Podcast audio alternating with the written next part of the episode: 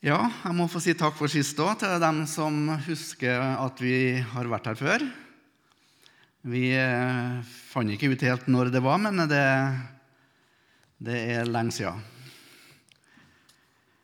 Så, eh, men jeg husker godt på bedehuset her. Jeg husker på mange ansikt. Og jeg husker på mange samtaler. Og jeg husker på en del hjemme og en del besøk. Og jeg husker på ungdomsflokken her. Det, jeg tror de var med litt i eh, arrangørflokken, Per, på noen av møtene i hvert fall. Det var Den flokken eh, gjorde litt inntrykk på meg. Eh, så jeg tror det har vært drevet veldig, veldig, veldig godt her i mange, mange år. Jeg skal ikke si så mye om meg sjøl, Jostein, men jeg er gift med Irene Gjøkjell Fagerli. Vi har fire voksne barn. Eh, to av dem er gift. De fant seg rogalanding, begge to. Så vi får nå se hvor de blir bosatt hen. Men eh, to er gift, og to er ikke gift. De er fra 20 til 30 år. Så uh, det er først nå vi er De har flytta ut. Vi hadde en attpåklatt som reiste ut nå i, i januar òg. Han var 20 år da. Så eh, Det er spennende å være ung, og det er spennende å ha ungdom. Og det er spennende å være menneske. Det har aldri lett å være, menneske, men jeg tror det er spesielt vanskelig i dag. Ikke bare for dem som er unge, men for også for oss som er eh, midt i livet og i siste halvdel av livet. Det er kjempevanskelig å være menneske. Og det er kjempevanskelig å være kristen, en troende. Derfor er jeg glad for at de samles til møter, samles til hørelsen. Jeg tror det er helt avgjørende at vi i våre liv får eh,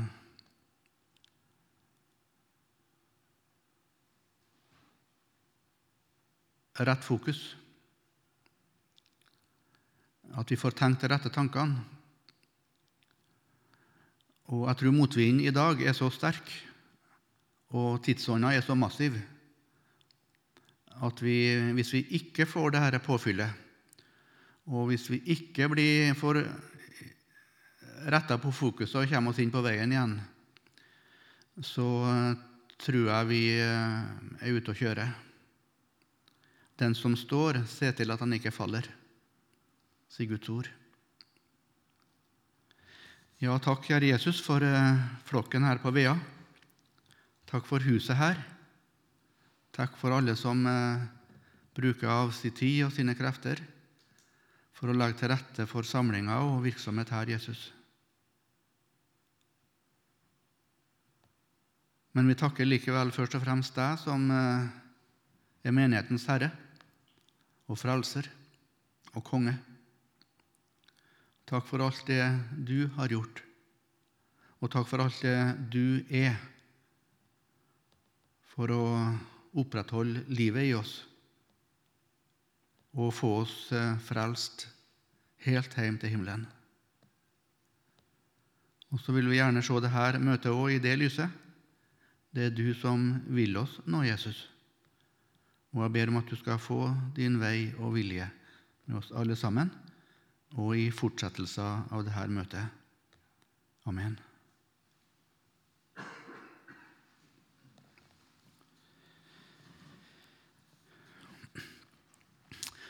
Det skjedde i en sjømannsheim. Det er vel mange sjømannsheimer har i alle fall vært her på Karmøy òg. Eh, det var søndag frokost. Og det var en gjest i huset denne eh, søndagsfrokosten. Men far var borte. Han var i utenriksfart. Han har vært borte veldig lenge. Dette er over 100 år siden. Da var de borte lenge. Broren min reiste i utenriksfart på 70-tallet. Da var det ti måneder. Da betalte rederiet billetten hjem. Svigerfaren min var i utenriksfart på 50-tallet. Da var det to år. Og min morfar var sjømann og kaptein hele livet. Eh, han reiste blant, ut bl.a. under første verdenskrig. Hvor mange år han var ute da, og det var vanlig å være ute før rederiet betalte hjemreisa, det vet jeg ikke, men det var flere år. Sånn var det òg i denne heimen. Far hadde vært borte i mange år. Men mor er hjemme med barneflokken, og de har altså den gjesten ved bordet. Mot slutten av måltidet, før husandakten, så reiser mor seg, og så er hun bort på kommoden der i det store kjøkkenet. Og så henter hun et bilde. Du har sett de gamle svart-hvitt-bildene fra rundt 1900-tallet. Eh, kopiert på stiv papp, så de sto, sto, seg selv, sto av seg sjøl. Eh, mot veggen. Et sånt bilde var det. Og Så gir hun dette bildet til eldste sønnen som sitter der i benken. Han ser på det en stund, og så gir han det til bror sin. Og Så ser han på det en stund, og så gir han det til nestemann igjen. Og mens bildet går sånn fra barnehånd til barnehånd rundt bordet, så forklarer mor til gjesten hva det er som nå foregår. Hun sier det. Det er bildet av far.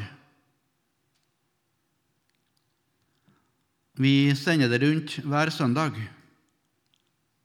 så ungene ikke skal glemme hvordan den ser ut, og kan kjenne den igjen når han kommer igjen.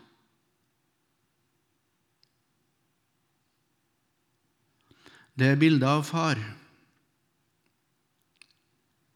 Vi sender det rundt eh, hver søndag, så ungene ikke skal glemme av hvordan den ser ut, og kan kjenne den igjen når han kommer igjen.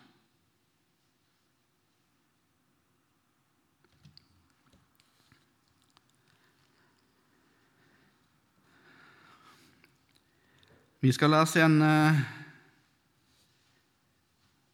liten setning som tekst her i kveld fra Matteus 20. Første setningen i vers 18. Matteus 20, vers 18.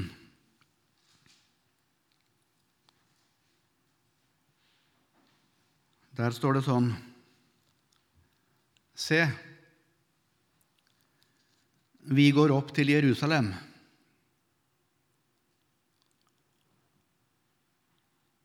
Se,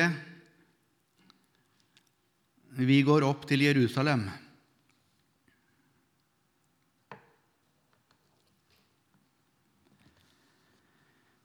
Du kjenner setningen, du kjenner ordene,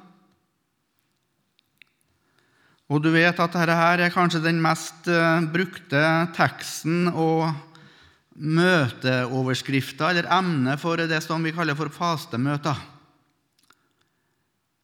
eller møte i fastetida og påskemøter. Se, vi går opp til Jerusalem.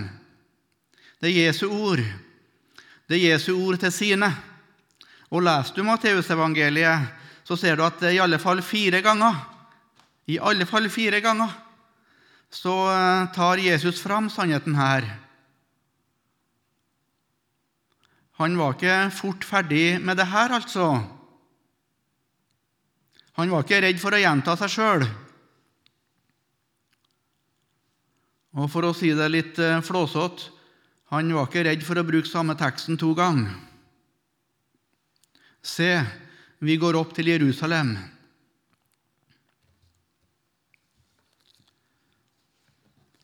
Legg merke til pronomene Jesus bruker. Han sier 'vi'. Han sier 'vi'. Han sier altså ikke 'Vet du, jeg må en tur opp til Jerusalem'. Men det er sikkert ikke så mye de kan bidra med, så eh, de kan, eh, de kan gå hjem hver til deres, og så, og så snakkes vi etterpå igjen. Nei, han sier ikke det. Han sier, 'Vi går opp'. Jeg skal gå opp, men jeg vil at de skal være med.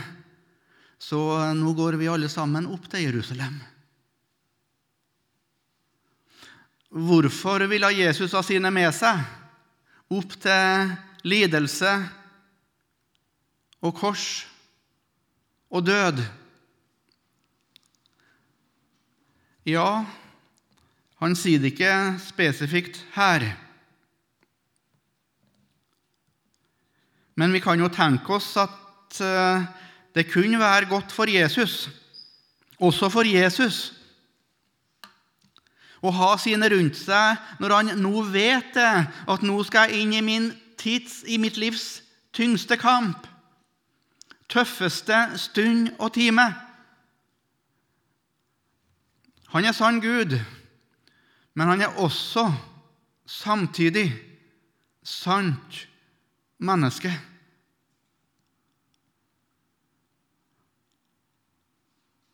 Og jeg mener det jeg sa når jeg sa det at jeg tror Jesus ville satt pris på ikke bare at de sa de skulle gå med ham,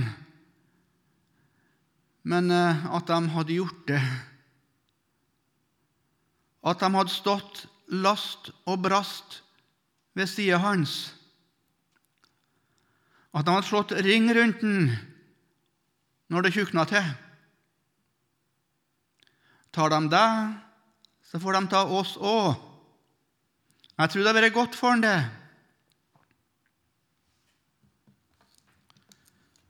Husker du hans ord i Getsemane? Bli her og våk med meg. Vær med meg inn i kampen nå. Men eh, hvem våka? Store ord, ja. Store løfter. Men Jesus visste de ville springe, visste de ville flykte. Han visste det.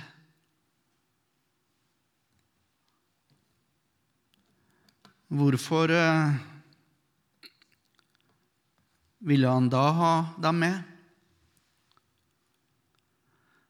Jeg tror eh, Lars var inne på det i åpninga. Dere skal være mine vitner.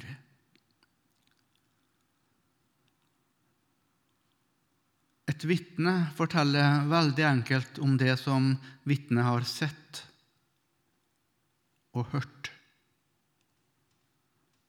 Har du vært medlem i en jury? Den er vel på vei ut mot den gamle juryordninga, men eh, kanskje noen har prøvd det? Jeg har det ikke. Bare hørt om det. Men du kan tenke deg at du sitter i en jury. Åtte, ti, tolv mann og kvinner på benker i rettssalen. Og så reiser aktoratet sine skarpskodde advokater seg. Og du og du, hvor dyktige de er. Hvor gode argument de har. Og når de setter seg, så tenker du ja, det må nok være sannheten, din, sannheten, det de sa nå. Det virker så logisk. Men Forsvaret har også forberedt seg. Og der òg er det skarpskodde advokater. Og når de reiser seg og kommer med motargument, så blir du litt i tvil. Hva skal jeg tro på? Det høres rett ut, men det høres også rett ut.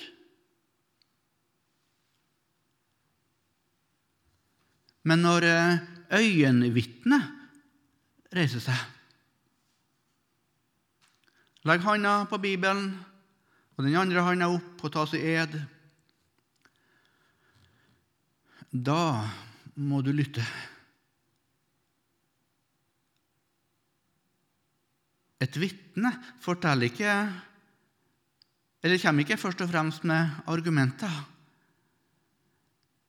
Men et vitne forteller først og fremst om det det så, det det hørte. Vitne kan si det, vet du. Jeg, jeg var der. Jeg var der faktisk. Jeg var på åstedet. Jeg vet hva som hendte, for jeg var der. Et argument kan møtes med et motargument, og så er vi like langt. Men eh, hva skal du møte et vitnesbyrd med? Vitnesbyrdet har en underlig kraft i seg. Det bærer med seg overbevisning.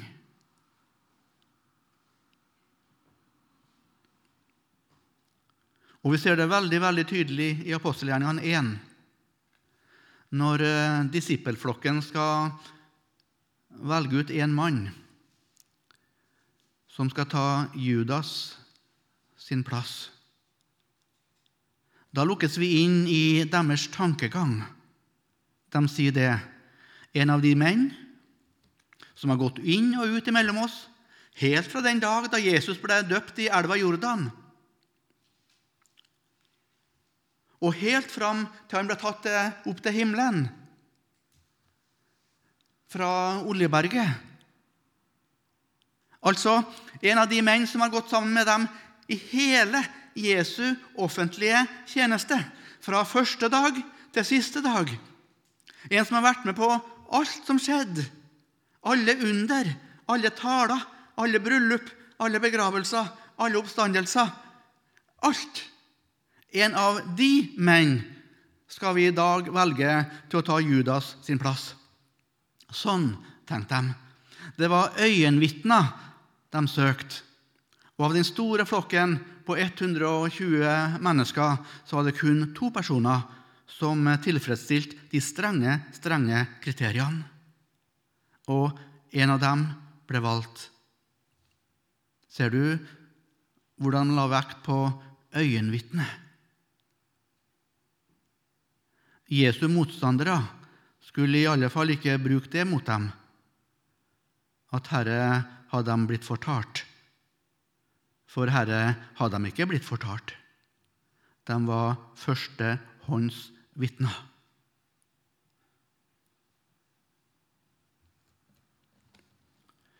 Det klinger i alle fall med her når Jesus sier 'vi'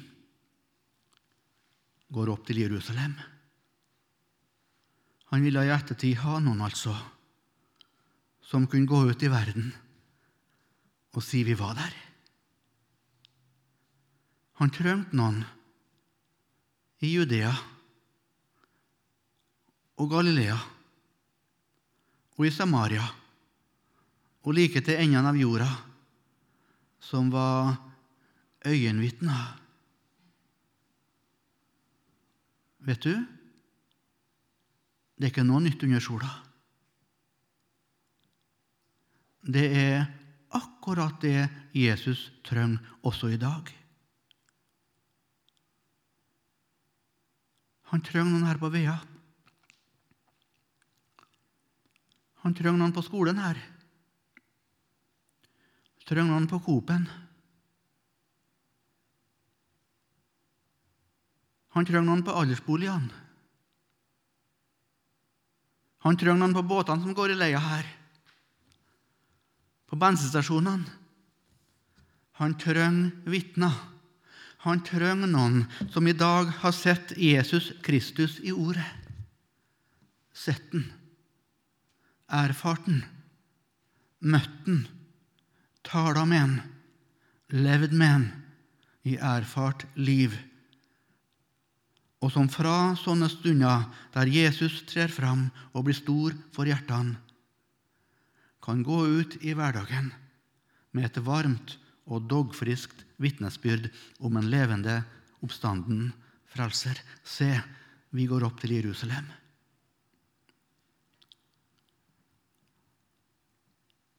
Og så skal vi ta fram noen få setninger nå,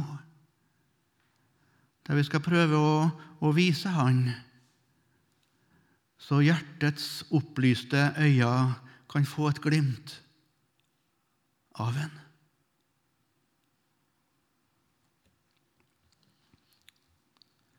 Bildet her er jo fra Getsemane. Det er noe voldsomme maleri, egentlig. Det der er det, og dem vi finner i Skriften, er det. Det er en veldig kamp en veldig smerte. Ei veldig bøl. En byrde, altså. Angst og bedrøvelse kom over ham, står det. Og han sier det til sine disipler.: Min sjel er bedrøvet til døden. Altså, han trodde ikke egentlig han overlevde stunda. Han var så full av angst, så full av forferdelse og bedrøvelse at han trodde han ikke greide å reise seg igjen. Er det mulig, far, så la denne timen gå meg forbi. Jo, jeg vet jeg lovte i evighet der å ta dette her. Jeg lovte å bære all verdens synd. Men far, jeg tror egentlig ikke jeg greier det. Er det en annen vei? Er det en annen mulighet? Så la meg slippe. La kalken her og la begeret her og koppen her la det gå meg forbi. Men så fikk en eh, stamma fram de ordene som vi skal takke for en hel evighet. Ikke som jeg vil, far, men som du vil.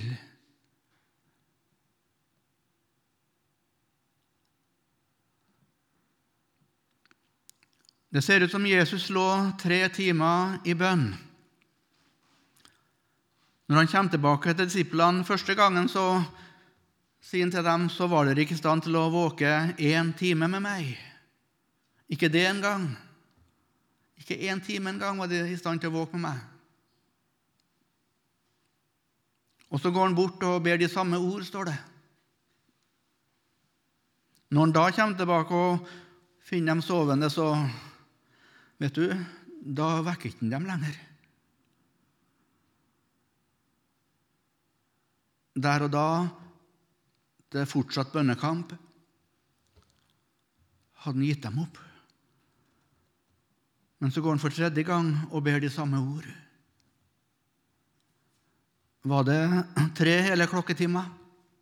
Kanskje ikke helt klart, men uh, ting tyder kanskje på det òg. Og leser du nøye Jesu ord, det som er gjengitt da fra de tre timene, hvordan han taler med sin far første gang, andre gang og tredje gang, så ser du at det er en utvikling i det. Første gangen så er han nesten Han er veldig dristig, egentlig. Han går langt i det å be om å få slippe. Veldig langt. Trenger seg innpå farshjertet. Andre gangen er han eh, mer avdempa. Virker som han er mer overgitt. Tredje gangen er han enda mer overgitt. Kampen vinnes eh, gradvis gjennom disse timene. Og når eh, engelen har kommet og styrka ham, og han reiser seg opp for tredje gang Da er kampen vunnet. Han eh, ser seg ikke mer tilbake. Og veldig, veldig rolig vekker sine disipler og går sine fiender i møte.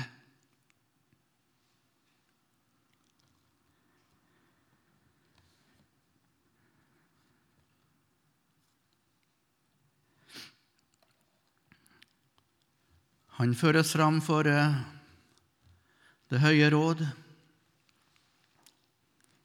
Han føres videre til Pilatus. Bare romerne hadde rett til å dømme folk til døden. Det høye råd og jødene, som okkupert folk, hadde et eh, visst selvstyre og visse rettigheter, men eh, dømme til døden hadde de ingen myndighet til. Det måtte legges fram for romerne. Pilatus, du og du. Han kom ikke godt ut av det. Han er overbevist om Jesu uskyld. Men han er veldig, veldig feig og redd for folket. Og han er samtidig veldig, veldig opptatt av sin karriere.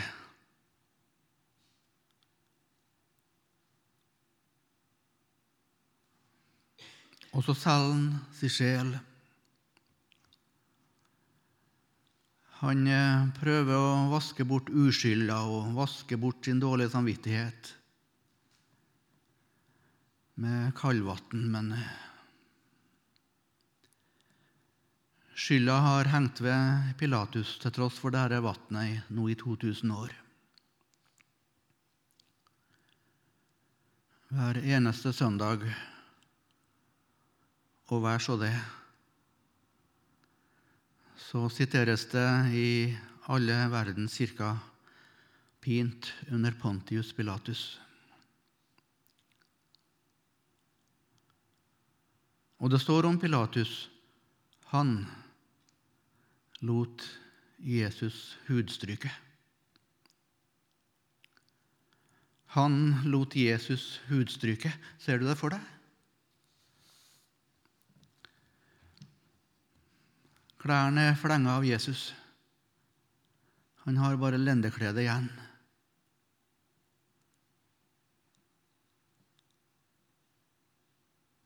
Og Så bindes hendene til en pæl i bakken, så ryggen er bøyd og skinnet er stramt.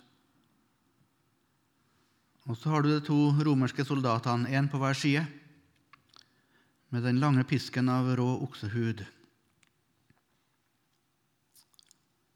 Hudstrykking var egentlig 40 slag. Det var helt på grensa av det en mann kunne tåle. Romerne de var opptatt av eh, retten, egentlig. Selv om dette var et soleklart justismord. De var opptatt av retten og redd for uretten i rettssalen. Så de hadde liksom vært litt snille for å unngå at det ble mer enn 40. Så eh, trakk de fra ett, så det ble 39 igjen. Jeg skal si deg det var mer enn nok. De fleste av de 39 slagene gikk i åpent kjøtt.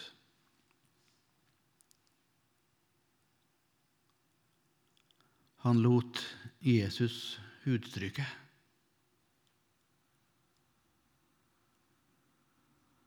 Hva er det som skjer? Jesus den rene, han som hele livet hadde gått, rundt og gjort godt. Her lar han seg herje med av eh, utenlandske soldater og råe torturister.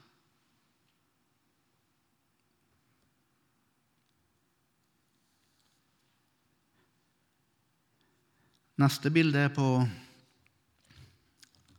fem ord. Det står om Jesus. Han bar selv sitt kors. Om det er bare det øverste tverrtreet, eller om det er det sammenspikra korset, det er kanskje ekspertene litt uenige om men det har kanskje ikke så mye å si. Det var i alle fall i begge tilfeller et eh, tungt, grovt, uhøvla stykke tre lagt ned på den kjøttkaka av en rygg. Og så sparkes Jesus i gang. Han bar selv sitt kors.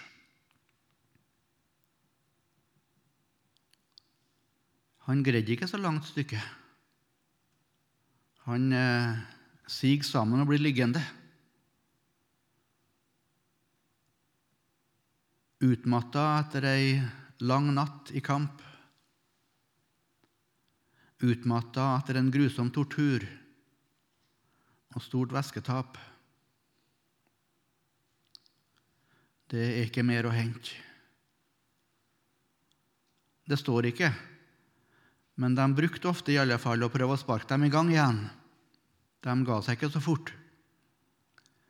Men eh, nå var det bare tomt. Det var ikke noe mer.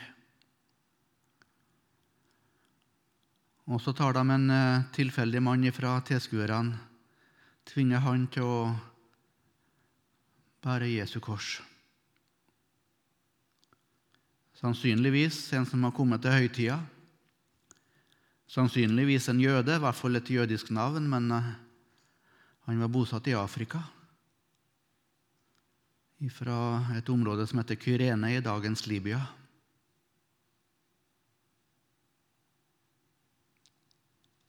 Jeg vet ikke helt, men jeg synes kanskje at det er litt fint å vite at en afrikaner bar Jesu kors.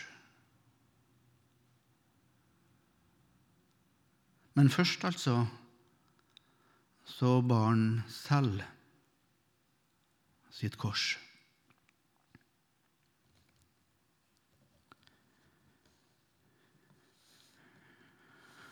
Neste maleri er på fire ord igjen og de korsfestet ham.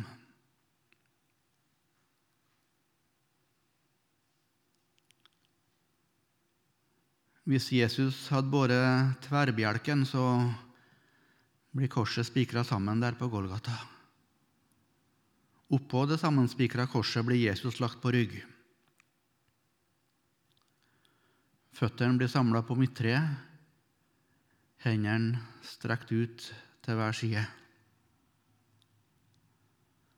Og så tas naglene fram, de grope hjemmesmidde. Og så storhammeren. Og så høres hammerslagene.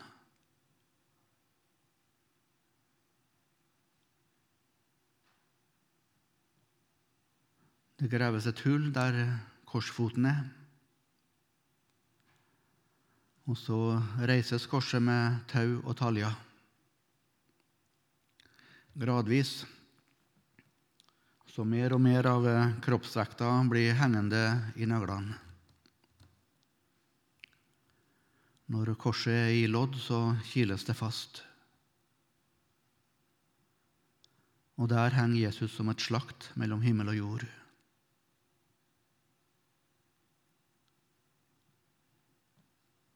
og de korsfestet ham.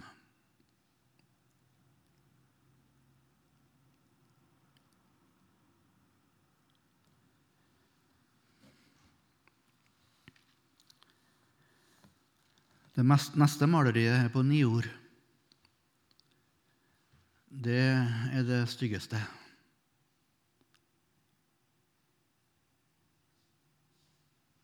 Det er Jesu egne ord. Min far, min far. Nei, min Gud, min Gud, hvorfor har du forlatt meg? Min Gud, min Gud, hvorfor har du forlatt meg? Vi har noen sånne uttrykk i språket som viser at vi kanskje ikke har forstått alt så godt. Vi har uttrykket 'barnet som Gud glemte'. Det finnes ikke noe sånt barn. Vi sier Guds, en gudsforlatt plass.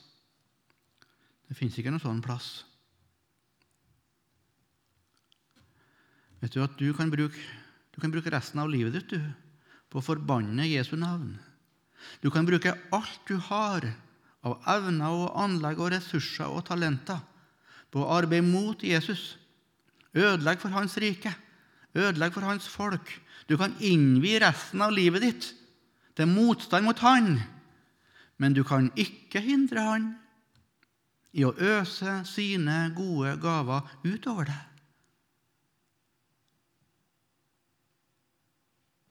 Han lar sola si stå opp, står det, over onde og gode. Og han lar det regne over rettferdig og urettferdig. Sånn er Gud.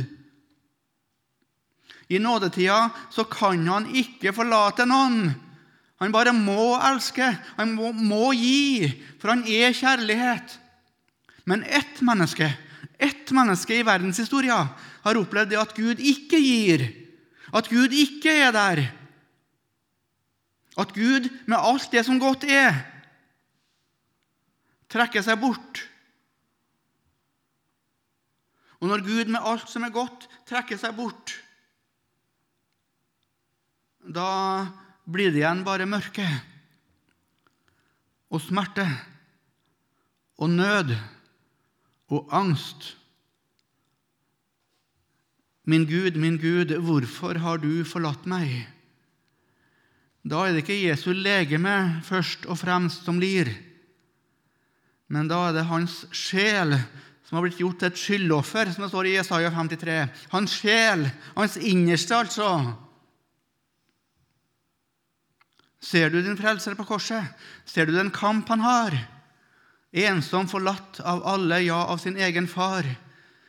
Det var for dine synder at han på korset hang kun for å frelse verden fra nød og undergang. Se der, der er Guds lam som bær verda si synd.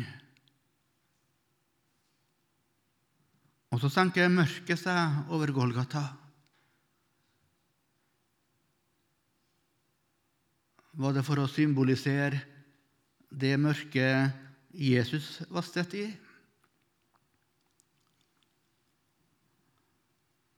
Var det for å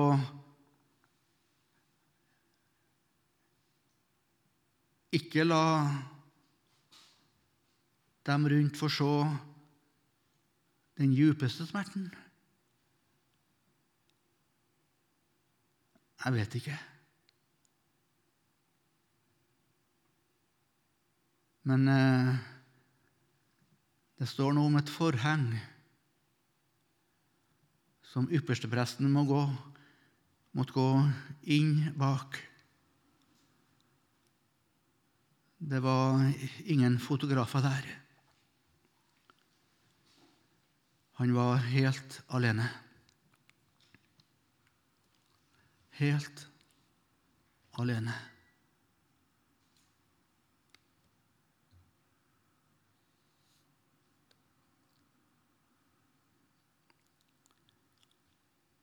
Min Gud, min Gud, hvorfor har du forlatt meg?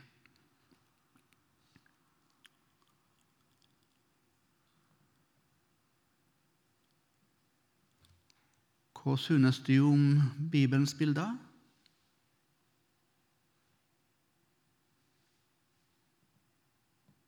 Er de fine, eller er de stygge?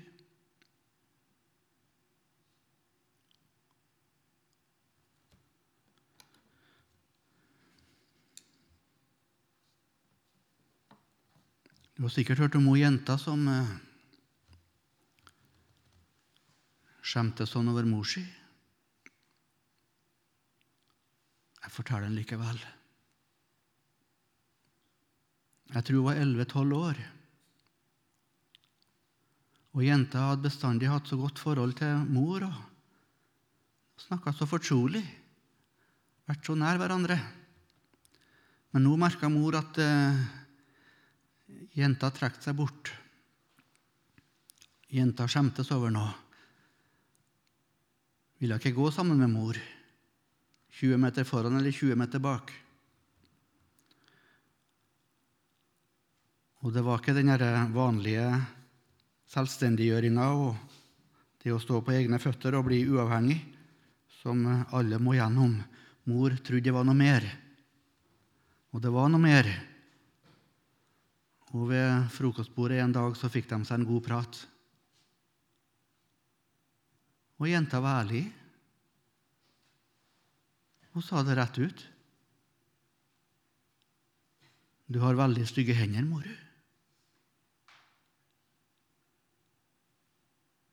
Og det stemte, mor hadde stygge hender. Det var liksom ikke som hendene til andre mødre. Huden var rød og arrete, og fingrene var litt stive, nesten som klør. Og ikke bare sjølve handa, men oppover her og forbi albuen og helt opp til der kjoletøyet begynte. Du har så stygge hender, mor. Og så ble herre sjansen som mora hadde venta på. sjansen til å fortelle dattera hvorfor hun hadde stygge hender. Og så fortalte hun om brann. Når jenta var bare ja, veldig lita. Det var bare dem to han hjem, og mor våkner midt på natta med røyk og ild overalt.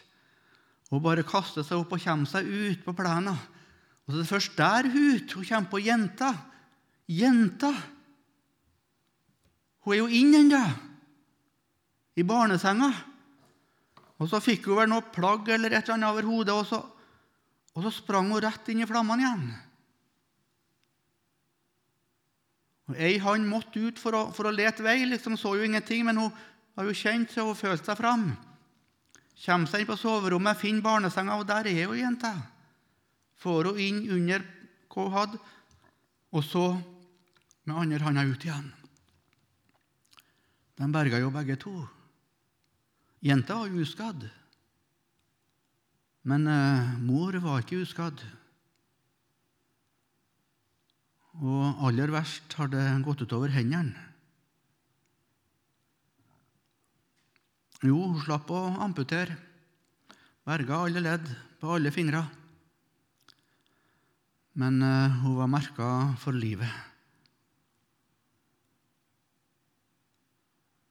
Tredje grad mange hudtransplantasjoner, lange sykehusopphold.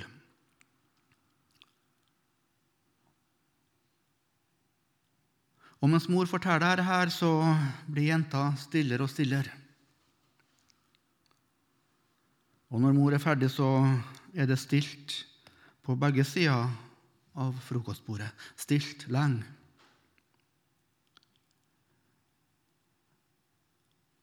Til slutt så ser mor at uh, handa til jenta kommer.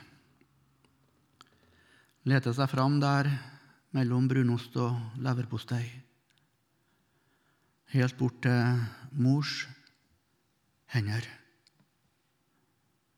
Mors uh, stygge hender. Og så begynner jenta si hånd å stryke.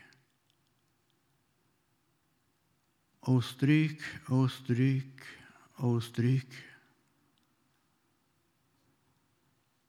Og så sier hun til slutt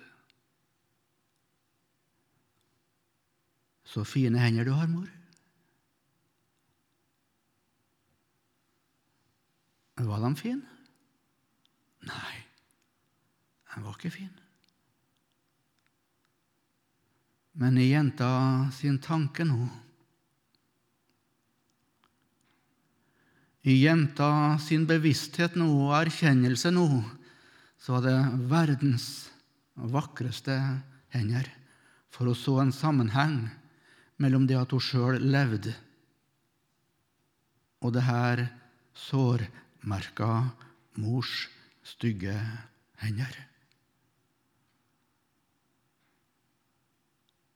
Det skjønneste i verden, som mine øyne så, det er kongen i hans skjønnhet med tornekronen på.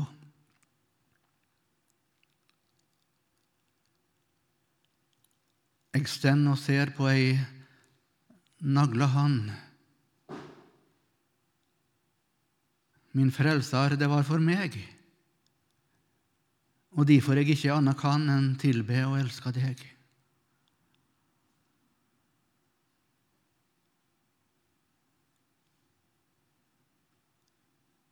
Så sitter kanskje du her som sier det. Ja, men herre har jeg hørt før. Vet du hva jeg sier da?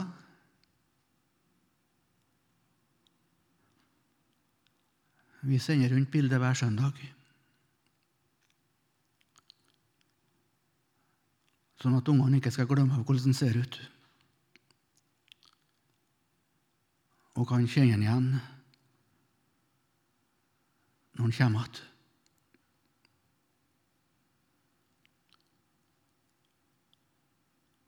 For han som kommer, han kommer med de naglemerka hendene.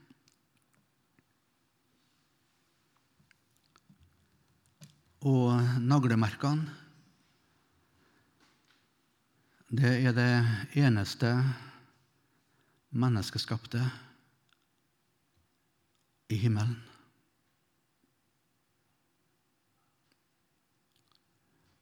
Det var mine og dine synder, det, som laga dem. Se, vi går opp til Jerusalem.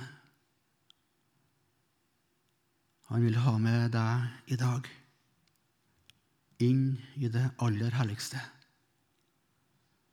så du kan få et glimt av hans skjønnhet og hans soning. Skal vi be?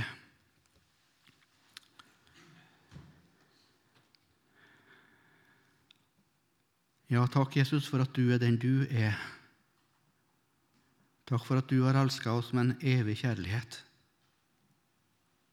Ja, i dette er kjærligheten, ikke at vi har elska deg, men at du har elska oss og gitt ditt liv til ei soning for våre synder. La oss få tro på det, og la oss få leve i det. Vi ber om det i ditt navn. Amen.